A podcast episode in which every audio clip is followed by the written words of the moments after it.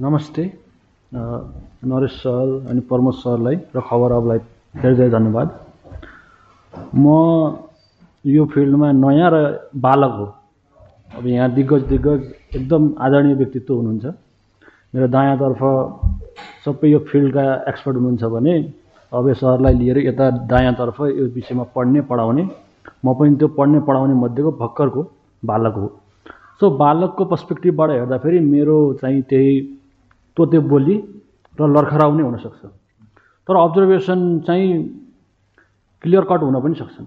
त्यसमा अलिक बढी भएछ भने त्यसलाई अन्यथा नलिनु होला त्यसलाई एज अ सिम्पली नै लिइदिनु होला। सो आतङ्कवाद र क्षेत्रीय सुरक्षा र खतराको कुरा गरिरहेछौँ सो रिजनल साउथ एसियाको कुरा गर्छौँ हामी। र सुरक्षा कुन सुरक्षाको कुरा गर्छौँ?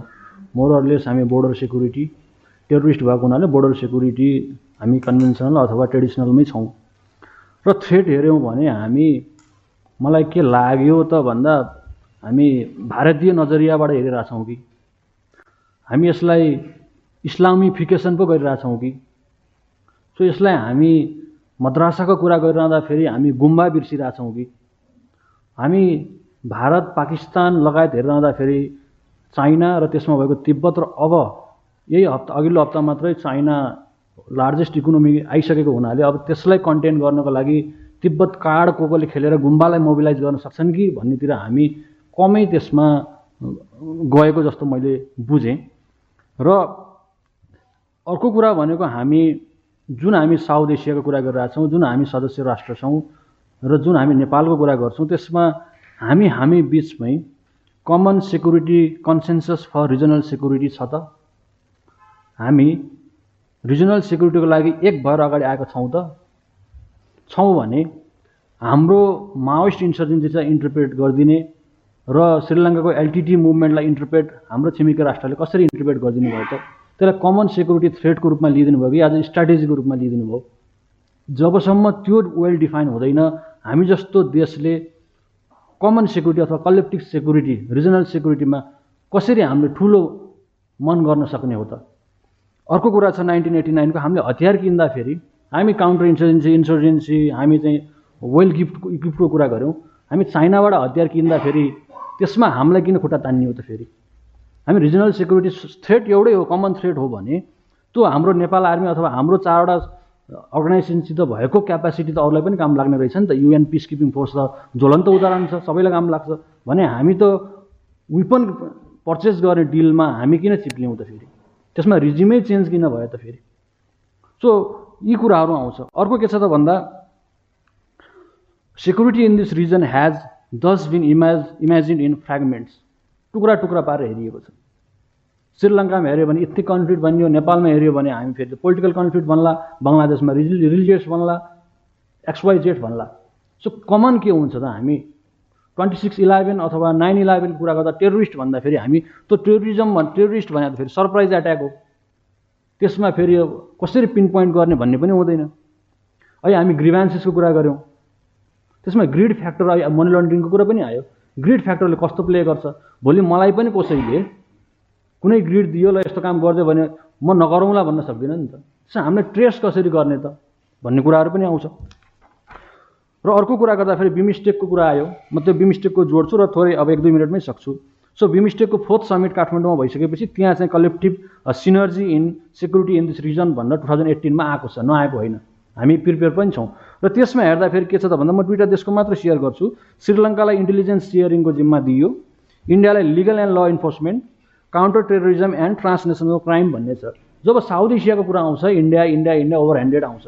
इन्डियाले नै सबै हेर्ने किनकि उसले फाइनेन्स पनि उसले गर्ने भयो भन्नाले सबै उसको जिम्मा दिएर उसले इन्फर्मेसन कलेक्सनको रूपमा पनि उसले लिएको हुनसक्छ। र टु थाउजन्ड एट्टिनकै हामी बिमिस्टिक लेभल मिलिट्री ड्रिलमा जाँदै बेलामा नेपाल पार्टी पार्टिसिपेट हुने कि नहुने भनेर लास्टमा अब्जर्भेसन गरेर हामी फर्केका थियौँ।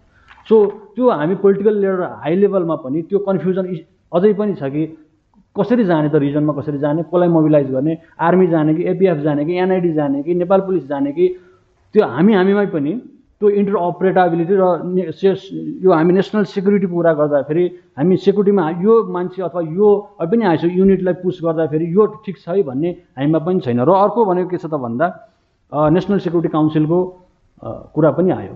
मैले त्यसमा पनि मेरो रुचि र मैले लेख्दै गर्दै हिमाल खबरमा पनि लेखेको छु। सो नेसनल सिक्युरिटी काउन्सिल हामी एज अ बाहिरबाट विद्यार्थी हेर्दाखेरि संवैधानिक आयोग त हो कन्स्टिट्युसनल बडी त हो। तर त्यसपछि त्यसले के काम गरेछ भनेर नाइन्टिन नाइन्टीमा त्यसको संविधानमा देखे तापनि त्यसको गठन फेरि अहिलेको दुई हजार पन्ध्रको पुनर्गठन र भारतको पनि हेर्दाखेरि नाइन्टिन नाइन्टीबाटै बनाएर रहेछ फेरि। भारतीय नेसनल सिक्युरिटी काउन्सिल हेर्दाखेरि त्यहाँ म के भन्न खोजेको त भन्दा हाम्रो घोषित अघोषित हाम्रो चिफ अफ आर्मी स्टाफ नै हाम्रो स्टेटको हेडको सेक्युरिटी एडभाइजर हो। हाम्रोमा सेक्युरिटी एडभाइजर भन्ने त छैन। नभए तापनि घोषित अघोषित उहाँ नै हो। र उहाँले कसरी सेक्युरिटी एडभाइजरको रूपमा नेसनल सेक्युरिटी काउन्सिललाई कसरी पुस गर्नुभएको छ? एज अ मिलिट्रीले नै नेसनल सेक्युरिटी काउन्सिललाई कसरी पुस गरिरहेछ त्यो म चाहिँ चुकिरहेको छु हामी ब्लेम गर्छौँ। हामी हिजो हामी चाहिँ मोनार्की हुँदासम्म नेसनल सेक्युरिटीमा नेपाल आर्मी त्यति बेलाको द दिन रोयल नेपाल आर्मीको अप्पर ह्यान्ड हो। हो भने अहिले पनि लगभग हेऱ्यो भने नेपाल आर्मी नै हामी नेसनल सेक्युरिटी पोलिसी लगायत अरू हेऱ्यो भने राष्ट्रलाई खतरा पऱ्यो भने नेपाली सेना मोबिला मोबिलाइजेसन हुन्छ र अरू त्यसको पछि पछि जान्छ भन्ने हो।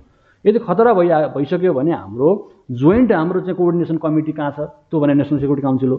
त्यसले कसरी अपरेट गरिरहेछ भने अब म जस्तो बालकले त्यसमा भन्नु भनेको अब इन्द्रको अगाडि स्वर्गको बयान हुन्छ त्यसमा मैले त्यहीलाई नै छोडिहालेँ र मैले अब लास्टमा कुरा गर्दाखेरि म यहाँ मैले लेखेरै ल्याएको छु।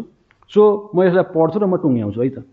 के दक्षिण एसियाको कुनै एक देशमा उच्च सुरक्षा खतरा हुँदा यस क्षेत्रका अन्य राष्ट्रहरूले पनि त्यसलाई त्यत्तिकै नै संवेदनशील भएर सुरक्षा चुनौतीको रूपमा लिन्छन्?